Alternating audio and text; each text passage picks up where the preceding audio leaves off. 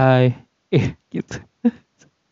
Selamat datang di Movie Catch Up episode ke-74 harusnya. Harusnya 74, tapi nggak tahu lah. Eh, wah, udah lama nih. Jadi kayaknya kelang satu atau dua minggu kayaknya ya. terakhir aku ngobrol episode soal Nokta Merah Perkawinan. Eh, filmnya di beberapa bioskop kayaknya masih ada.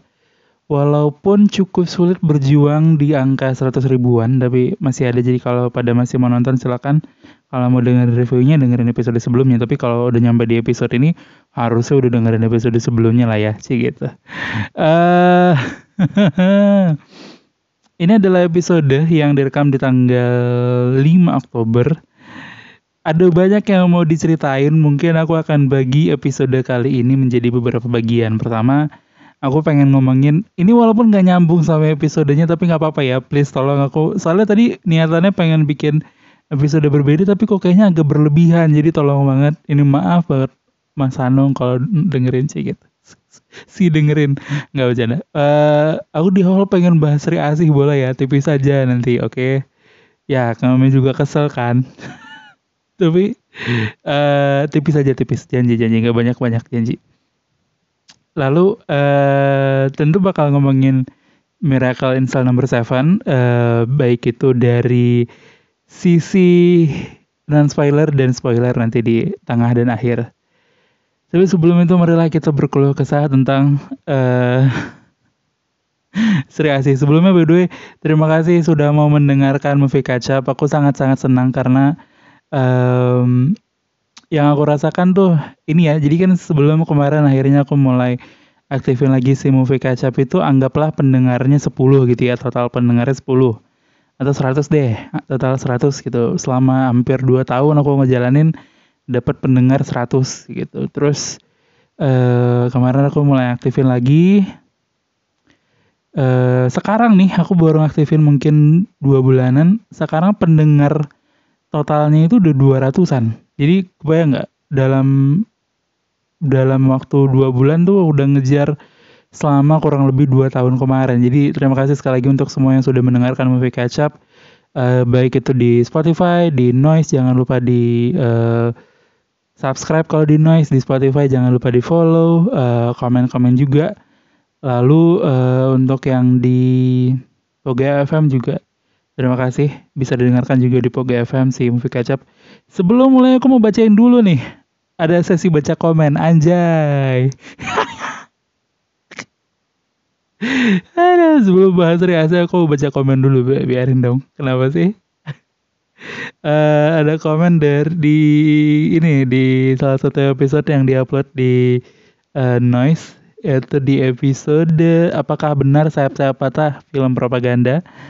Um, aku baru baca soal komentarnya. Komentar dari um, at Reza Res. Ribet banyak ina inunya loh ah kalau bikin podcast. Aduh mohon maaf Kak Reza. Aduh. Mas Reza atau Kak Reza atau siapa pun Anda yang bernama Reza Res di Noise mohon maaf. Tapi terima kasih sudah mendengarkan. Ya gimana ya namanya juga saya gak pakai aduh ya maafin ya Mas Reza ya. Janji deh saya karena aku tahu rasanya dengerin podcast terus podcastnya jelek tuh aku tahu jadi kayak maafin ya karya saya saya janji saya akan jauh lebih rapi lah. Oke okay? tapi saya bentar ambil minum dulu nggak bercanda. Terima kasih Mas Reza sekali lagi. Saya apresiasi. Aku bales loh aku bales. Mas Reza kalau dengerin episode ini boleh dong bales lagi uh, komentarku aku bales soalnya uh, aku bales dengan kata-kata Widih, makasih udah nyempetin komen bang. Maafkan, maafkan kalau masih banyak kurangnya. Nah, jadi silakan Mas Reza kalau boleh komen-komen kita jadi teman aja lah Mas Reza lah. Jangan hate saya lah. Gak usah. Gak itu kan kritik Audi. Ya oke sorry. Ya sorry dong. Ya gak sih. Jadi uh, Mas Reza boleh lah kita ngobrol-ngobrol. Jangan marah-marah Mas Reza. Dengerin episode ini ya. Jangan apa gitu apa namanya tuh. Kapok gitulah. Ya dengerin ya. Oke, makasih Mas Reza. Yang lain juga kalau boleh komen-komen boleh ya. Di di Spotify sih belum bisa komen-komen, tapi di Noise sudah bisa. Jadi kalau mau komen-komen tulis di Noise nanti aku bacain di episode berikutnya. Anjay. Oke. Dan jangan lupa juga, boleh kalau mau nyawer-nyawer ke saweria.co slash audiarhub ada di deskripsi. Oke, kita masuk ke episodenya. Pertama bahas reaksi. Ada pemisahnya dong ya sih? Pemisahnya ini nih. Oke. Pemisahnya alay. Jadi Sri ditunda teman-teman. Eh untuk yang gak ngikutin berita film dan banyak pasti yang gak ngikutin gitu ya Sri itu ditunda dari sebelumnya 6 Oktober besok di mana hari ini sih karena aku nguploadnya ini kan bakal 6 Oktober nih hari ini harusnya Sri Asih itu tayang tapi uh, tiga hari yang lalu empat hari yang lalu um,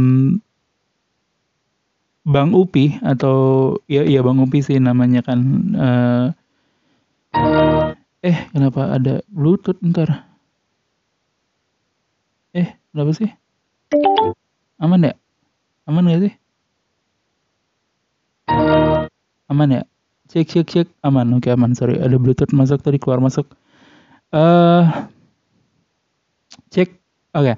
Nah, walaupun uh, jadi ditunda ke 17 November uh, sama sutradaranya Mbak Upi um, dan cukup mengejutkan sih. Alasannya sih karena ada visual yang belum, ada visual efek yang belum selesai, yang mesti diperbaiki. Um, alasan yang logis gitu ya karena sebetulnya kalau analisa Gembelku tuh kemarin pada saat masa Sri Asih banyak uh, road tour, bukan road tour sih namanya itu ya apa? Ya pokoknya mereka kan uh, tour tuh kalau sana kemari di sekitaran Jawa gitu ya.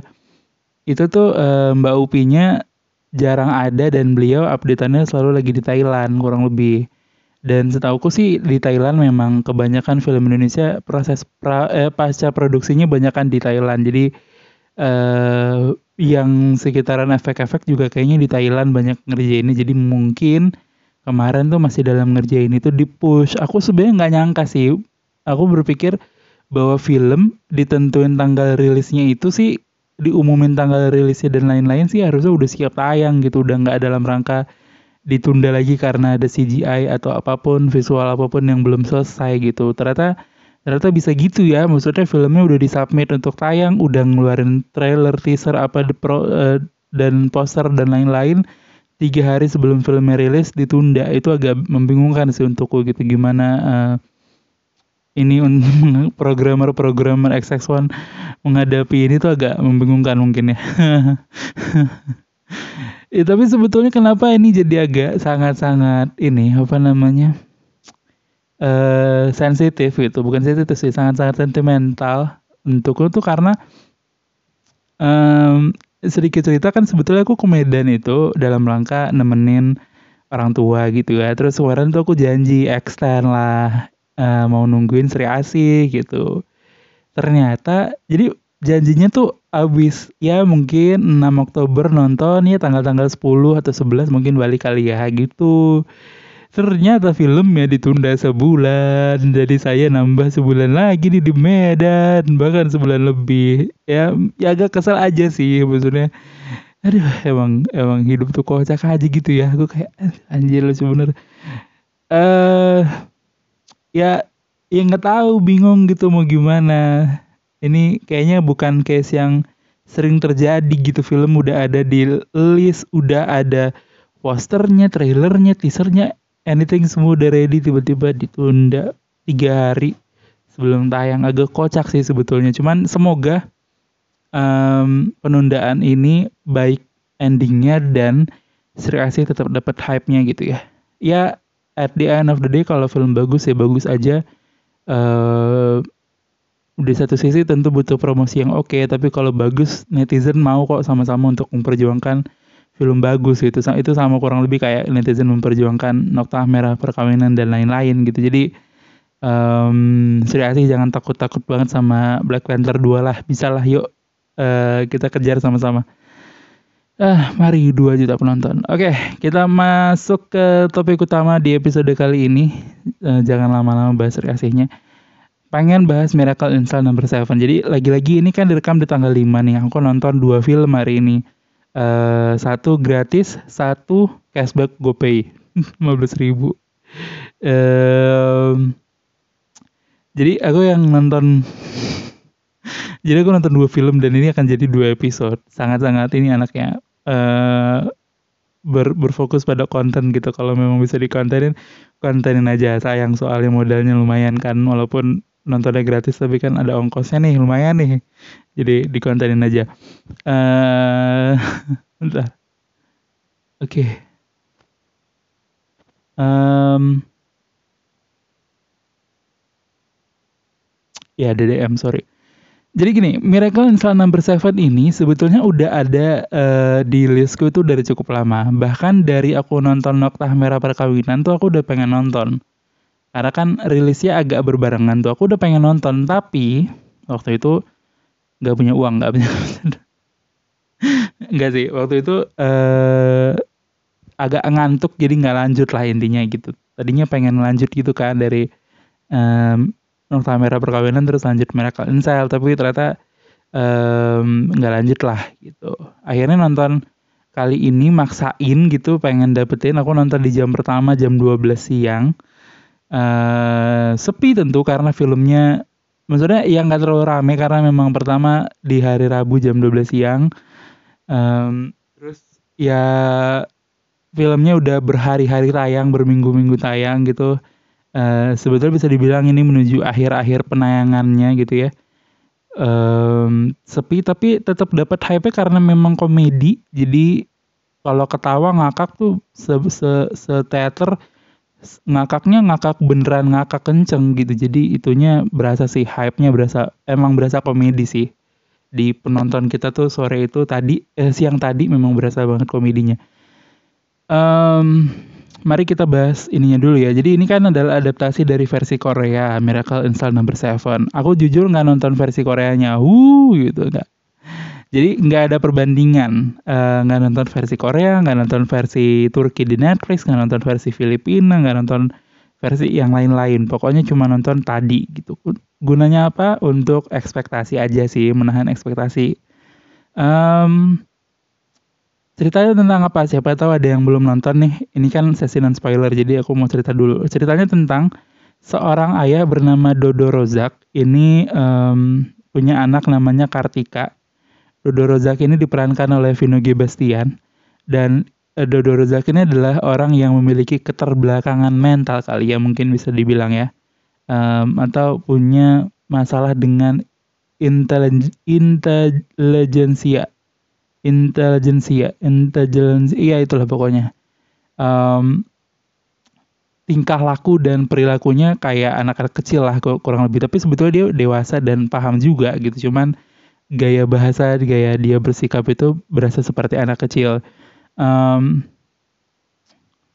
ini ceritanya kurang aku nggak tahu versi Korea gimana tapi di sini pokoknya ceritanya Dodo Rozak ini ayah ayah Dodo ini um, tersangkut sebuah kasus. Dia dituduh membunuh seorang anak bernama Melati Wibisono. Ini adalah anak seorang anggota DPR um, yang kemudian maju jadi gubernur gitu ya. Pokoknya orang penting lah. Um, terus dari situ kejadiannya kayak uh, flashback flashback karena ada fase mereka masih kecil, anaknya masih kecil gitu ya. Si Ika namanya Kartika diperankan oleh versi dewasanya diperankan oleh Mawar Eva De Jong uh, dan lengkap-lengkap gitu. Jadi flashback alurnya bisa dibilang maju mundur lah tapi nggak seribet itu sih. Masih bisa diterima dengan enak. Walaupun ada satu sequence yang anjay sequence ada satu sequence di tengah nanti yang aku bakal jelasin di sesi non spoiler lah. Yang menarik juga untuk dibahas. Um, jadi kurang lebih menceritakan tentang kasus ini kasus pembunuhan ini gitu ya tuduhan pembunuhan ini. Dan uh, gimana Ika dan bapaknya berjuang di kehidupan yang berat ini. Kurang lebih gitulah ya. Uh, dan mereka ada di tergabung di Miracle in Cell number 7 sel nomor 7 di dalamnya ada beberapa orang. Ada uh, Bang Japra yang diperankan oleh uh, Om Indro. Ada Tora Sudiro. Ada Indra Jagil. Ada um, Rigian Rakelna ada Brian Domani mesti dikasih respect sih lima orang ini ya uh, masing-masing memerankan ensemble cast yang bagus sekali sih sebagai sebuah ensemble cast gitu mereka menarik sekali sih um, Walaupun tentu ada catatan di sana sini ya. Jadi uh, nanti kita bakal bahas di sananya lagi lah. Tapi kurang lebih kalau dibagi tiga nih seperti biasa uh, kan Movie Kaisa selalu ngebagi jadi tiga gitu ya. Eh berdua sutradaranya Mas Hanung Bramantio. Um, banyak yang bilang ini salah satu karya terbaik terbaik beliau sih. Uh, Mas Hanung untuk karya yang memang beneran berasa bagus dan juga hasil penonton yang memang oke okay gitu bahkan mencapai 5 jutaan ya kalau nggak salah ya uh. Lalu ada siapa lagi teman-teman di sini ada Vino Gebastian, ada ada cameo Sheila Dara, ada cameo Marisa Timothy. Lalu bisa dibilang ada ada siapa lagi yang seru-seru ya? Oh ada Denus Sumargo, uh, salah satu karakter penting. Ada uh, salah satu uh, anggota, eh ada salah satu apa namanya itu kalau ini penghuni penjara juga ada Teku Rifni um, dan lain-lain ada Agla Agla Arta Lydia di bagus juga pemerannya aku aku uh, pertama kali kenal di uh, kesempurnaan cintanya net lalu uh, ada yang lain-lain lah ada cukup Coki Pardede ada uh, Teratan Muslim dan lain-lain um, mari kita bagi jadi tiga tiga fokus utama. Pertama, um, ini masih sesi non spoiler jadi masih santai. Pertama, aku pengen ngomongin secara uh, kualitas acting karakter-karakternya gitu ya. um, bentar. Kalau bisa dibilang sebenarnya semua semua menjalankan fungsinya dengan baik sih. Uh, banyak yang ngasih pujian untuk Vino Gebastian gitu ya, aku juga cukup oke. Okay. Gini tapi karena ini konteksnya adalah orang dengan keterbelakangan mental sementara aku nggak punya uh, bahan cukup oke okay untuk menilai apakah ini acting yang sesuai atau enggak gitu ya aku nggak tahu gimana sebetulnya real conditionnya gitu ya uh, aku nggak tahu cuman di sini sih berasa effortnya Vino Gebastian besar sekali sih untuk bikin karakter ini. Tapi kalau aku lihat di beberapa diskusi forum gitu banyak juga yang mempertanyakan juga gitu nih apakah benar bahwa orang-orang yang punya masalah dengan uh, intelijensia ini sebegininya gitu. Itu itu ada pertanyaan soal itu juga. Cuman mesti direspeksi apresiasi untuk uh, usahanya sih. Bahkan kan ada ada uh, fun fact juga ada trivia bahwa Vino Gebasian sampai mesti ke psikolog dan psikiater untuk menjaga kondisi mentalnya dia selama berproses dalam karakter Dodo Rozak ini gitu ya uh.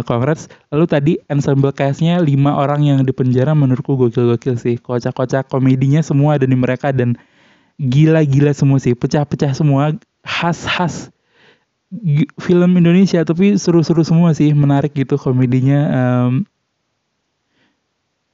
kocak-kocak sih. Mesin komedinya bisa dibilang ada di Indra Jagal sama Regen tapi uh, salah satu yang menurutku menarik juga Brian Brian Domani. Uh, aku nggak nemu banyak aktingnya yang menurutku oke okay gitu ya. Selama ini belum terlalu kenotis di aku cuman tadi sih begitu nonton menarik sih Brian Domani. Menarik uh, karakternya gitu ya. Um, lalu Sheila Dara gak tahu banyak sekali di film Indonesia tadi aku nonton ini Sheila Dara gimana ya bagi-bagi karakternya gitu. Dia juga cukup oke okay mendapatkan porsinya gitu. Lalu ada uh, cameo sedikit dari Marsha Timothy. Lucu uh, sisanya semua sebetulnya deliver uh, actingnya dengan oke. Okay. respect juga harus saya apresiasi ke Denis Sumargo. Uh, bagus sekali actingnya menurutku gitu ya. Oke okay, gitu jarang-jarang lihat acting Denis Sumargo so oke okay ini sih menurutku lalu ada Tukur Rifni Wikana juga. Ya oke okay, tapi dipertanyakan perannya cukup penting atau enggak? Soalnya ada satu adegan yang ngambil screen time banyak eh, Rifni Wikana tapi banyak yang mempertanyakan kenapa tiba-tiba seperti itu dan lain-lain. Tapi itu kan ada di cerita ya tapi uh, karakternya sendiri cukup oke okay sih um, kemampuan Mas Hanung menggambarkan kondisi di penjara karakter-karakternya interaksi antar mereka itu sebetulnya cukup oke okay, tapi bisa dibilang sebenarnya nggak luas juga uh, berasa bahwa ini terbatas gitu secara set, secara uh, lokasi, tapi uh, eksplornya cukup oke. Okay. Berasa gitu kayak terbatas nih nggak bisa jauh-jauh nih pengambilan gambarnya, tapi tapi ya oke okay lah gitu. Um, itu soal karakter-karakternya aku cukup memuaskan untukku gitu ya. Tapi kita sekarang masuk ke ceritanya. Menurutku ceritanya dari X1, X2, X3 um, babak-babaknya menarik sih. Tentu ada kekurangan-kekurangannya. Misalnya aku kasih clue-clue sedikit yang nanti aku akan bahas di sesi berikutnya. Misal kayak over dramatisasi itu ada. Lalu ada bagian-bagian yang sepertinya memang logika agak, agak dimiringin untuk dapat dramatisnya. Lalu um, tapi scene-scene penting, adegan-adegan penting juga berfungsi dengan baik gitu ya. Um, oh iya lupa tadi untuk bagian acting sih mesti diapresiasi Mawar sih. Aku gak ragu kalau ngevote Mawar jadi pemeran pendukung wanita terbaik sih. Walaupun aku nggak nonton banyak film Indonesia, mungkin Mawar pantas dapat nominasi sih di film ini gitu ya. Um, lanjut soal plotnya, menurutku plotnya menarik tapi tentu ada banyak kebingungan-kebingungan juga. Tapi aku bisa paham ini apa dan ngelihat gayanya Mas Anung gitu aku bisa tahu pengambilan keputusannya gitu tapi um, bahwa ada kekurangannya iya nggak sempurna iya tapi uh, lagi-lagi kalau hanya cuma plotnya mungkin bisa banyak yang dikritik tapi karena plotnya di, disampaikan di deliver oleh acting actingnya oke jadi kebantu cukup banyak sih si plotnya ini um, nanti kita omongin lebih lanjut masuk ke sisi teknisnya dulu ini juga banyak banget diomongin um, soal uh, color grading anjay. Banyak yang bilang ini tuh uh, terlalu kuning khususnya adegan-adegan di penjara. Sebetulnya menurutku itu bukan color grading kali ya, itu lighting kali ya. Gak tau, gak tau karena begitu scene luar itu nggak sekuning itu sih. Mungkin mungkin ya uh, emang lightingnya disetting seperti itu gitu. Mungkin untuk menunjukkan keseraman dan misteri dari penjara itu um, yang diambil adalah lampu warna kuning gitu. Walaupun sebetulnya aku bisa ngerti nggak pengen diambil terlalu dark karena filmnya sendiri kalau nggak salah semua umur. Um, jadi yang nggak bisa terlalu gelap juga tapi mesti nunjukin sedikit bahwa ini adalah penjara ya salah satu untuk meyakinkannya kekuningan itu ditonjolkan gitu. Tentu uh, bisa jadi perdebatan ya. Karena itu salah satu banyak perdebatan orang-orang gitu banyak yang bilang jelek karena filmnya terlalu kuning. Tapi aku masih bisa menerima sih. Uh, aku aku mengerti keputusannya kenapa kuning gitu lalu uh, soal teknisnya ya ini agak uh, gembel-gembel aja analisanya nggak sebagus itu sih. Pengetahuan teknisnya cuman menurutku yang bisa juga diapresiasi itu adalah um, apa ya mungkin um, banyak aku tuh berasa ini adegan adik karena hari ini aku nonton dua film ya Miracle in Sarana Bersapan sama Jagat Arwah tuh aku ngelihat di Miracle in Sarana Bersapan tuh banyak sekali adegan-adegan yang satu satu scene itu diambil shotnya bisa empat atau lima anjir mulai teknis. Audi si paling teknis. Ngerti gak sih maksudnya untuk untuk mungkin teman-teman yang kurang ngerti konsepnya gini. Jadi kan misal adegan nih, misal adegan um, hakim masuk dalam ruang sidang gitu ya. Lalu uh, itu tuh kan satu scene gitu ya. Tapi shotnya tuh bisa kayak lima atau enam sudut pandang gitu. Uh, ngambil dari sudut pandang si ini, ngambil sudut pandang si ini, ngambil sudut pandang si ini, lalu ngambil sudut pandang hakimnya dan lain-lain gitu. Itu uh, kaya sekali sih. Kayaknya kayaknya punya keleluasaan di situ sih Mas Anung ya kayaknya. Um, bukan bermaksud membandingkan cuman karena hari ini aku nonton dua film jadi berasanya kayak kayak agak timpang gitu Jakarta Arwah tuh punya keterbatasan itu Mas Anung tuh punya punya banyak kesempatan untuk eksplor ngambil shot-shot yang cantik gitu. Banyak uh, beberapa aku nangkep shot yang menurutku anjay ini shot yang memang cantik. Dan kalau nggak punya waktu banyak nggak dikasih keleluasaan sih kayaknya shot-shot kayak begini nggak bakal kejadian. Jadi mungkin patut diapresiasi juga sih uh, beberapa shot-shot cantiknya gitu ya. Um, dan transisi-transisi cantiknya juga sih di, dari Mas Hanung gitu. Um, itu aja mungkin sedikit review non spoiler jadi kalau menurutku secara kesimpulan untuk teman-teman yang belum nonton nih setelah denger review non spoiler ini menurutku sih nonton aku sih merekomendasikan um, apalagi untuk yang memang suka genre drama gitu ya. Kalau memang suka sedih-sedih sih ini saatnya sih. Walaupun hati-hati takutnya di kalian mungkin over dramatisasinya akan berasa jadinya malah off gitu bisa juga. Tapi uh, menurutku oke okay, kalaupun nggak nyari nangisnya mungkin nyari lucunya karena memang lucu sih lucu sih. Aku tadi sempet ragu apakah lucu itu tapi ternyata emang lucu sih jalan jadi um, menurutku sih worth it untuk ditonton. Jadi kalau masih ada di bioskop kalian nih menurutku sih nonton. Um, oke okay sih bahkan untuk sama keluarga dan lain-lain sama teman-teman juga masih asik sih untuk ditonton. Um, itu aja kita akan masuk ke sesi spoiler. Jadi kalau belum nonton filmnya stop di sini nonton dulu baru balik lagi ke sini. Tapi kalau nggak masalah sama spoiler ya udah lanjut aja. Oke, okay, aku mau jeda dulu jadi aku potong di sini stop dulu nanti lanjut lagi. Yuk. Oke, okay, udah minum lanjut lagi. Um, kali ini ngomongin soal Sri Asih. Jadi eh kenapa sorry sesi spoiler Miracle in Cell Number Seven seriusan yang tadi bukan gimmick ngomongin Sri Asih memang benar lupa oke. Okay. uh, non spoiler gimana ya cara ngebaginya? Mungkin pertama kita ngomongin soal over dramatisasi. Aku juga berasa bahwa ini berasa sih bahwa memang Mas Hanung cek gitu sih kenal. Uh, memang berasa bahwa ini tuh film yang kayaknya emang pemeras tangis tuh ini gitu. Dia memang penonton pengen diajak nangis, pengen diajak ketawa, udah gitu.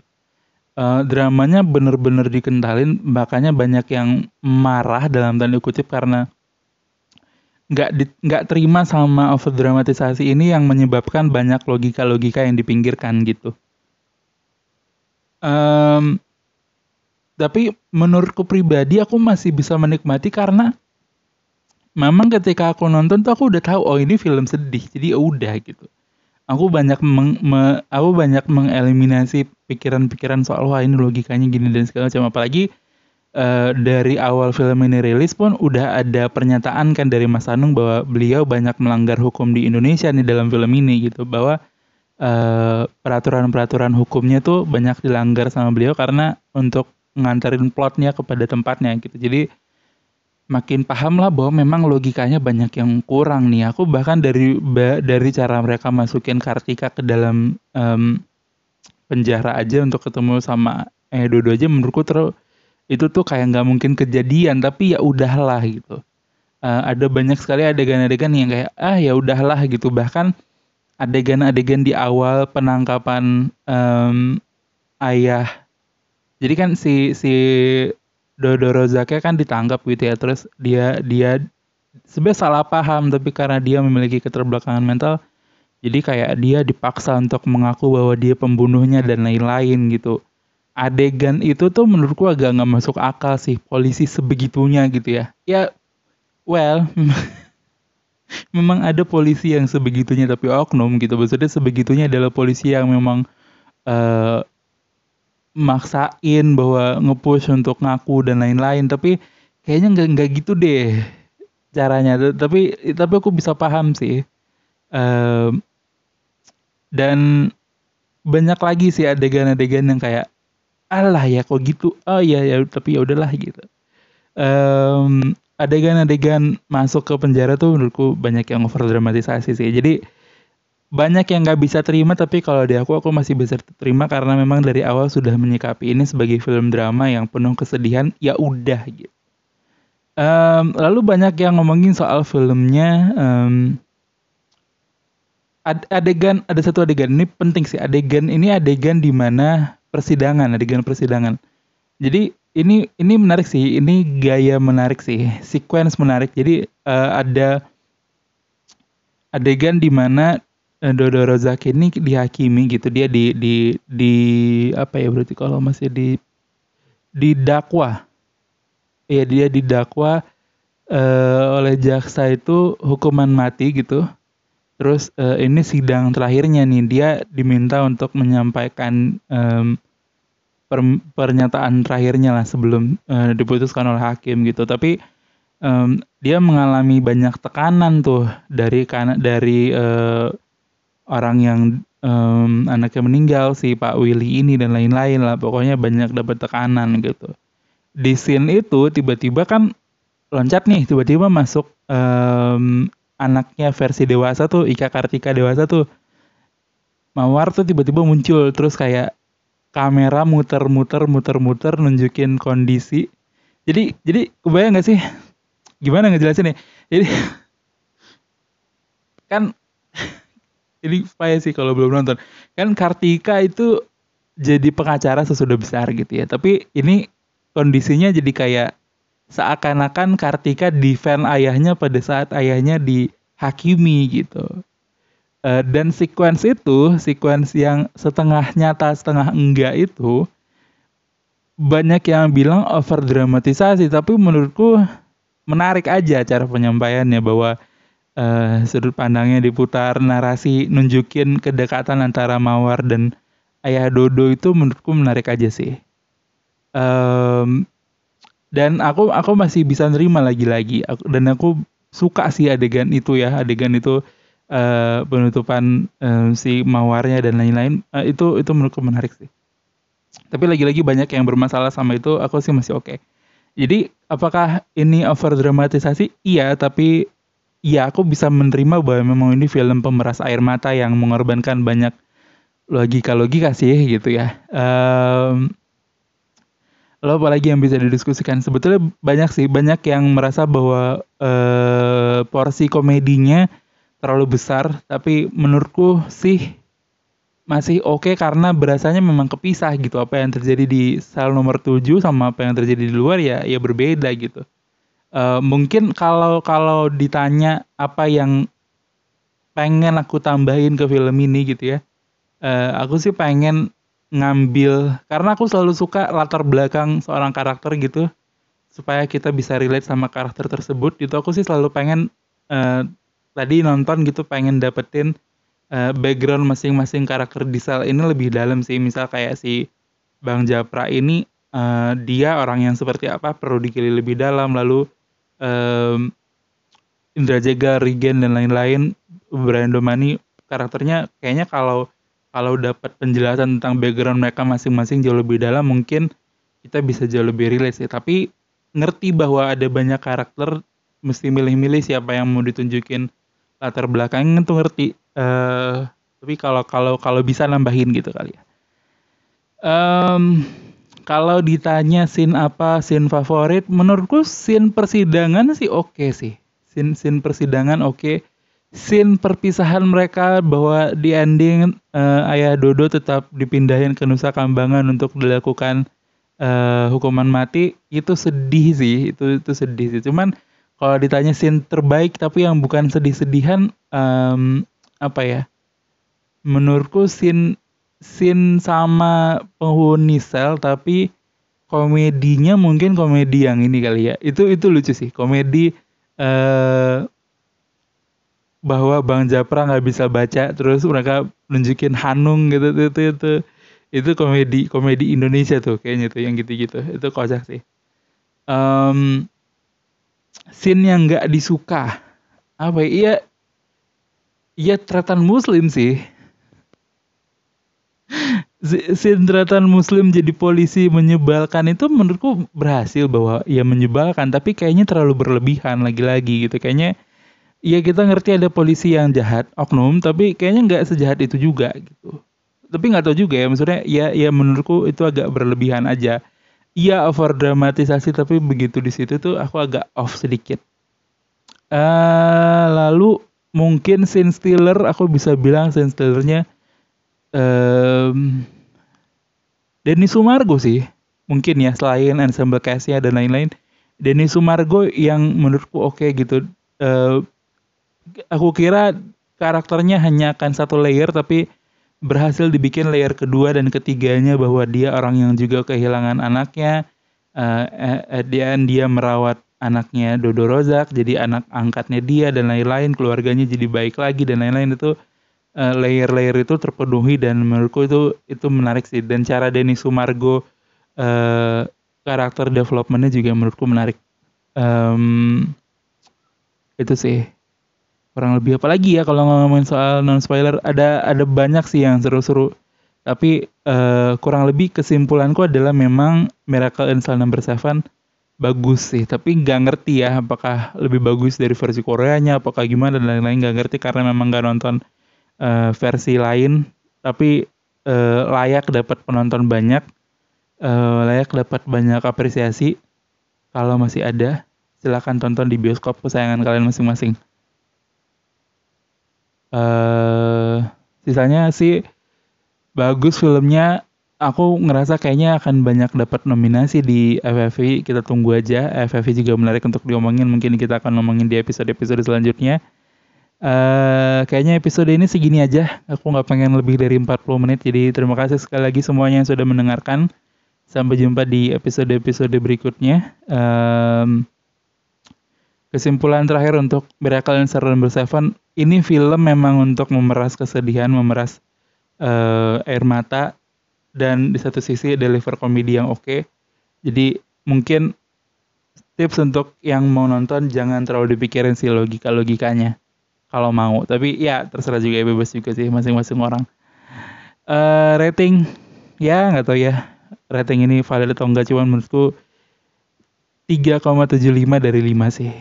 Uh, udah itu aja. Terima kasih sekali lagi teman-teman yang sudah mendengarkan movie kacap. Kita ketemu lagi di episode berikutnya. Sampai jumpa. Dan uh, jangan lupa di follow di Spotify di subscribe di Noise dan di uh, follow juga di Poga FM. Terima kasih sampai jumpa dadah. Bye. Sawer juga di saweria.co slash Audi Harap.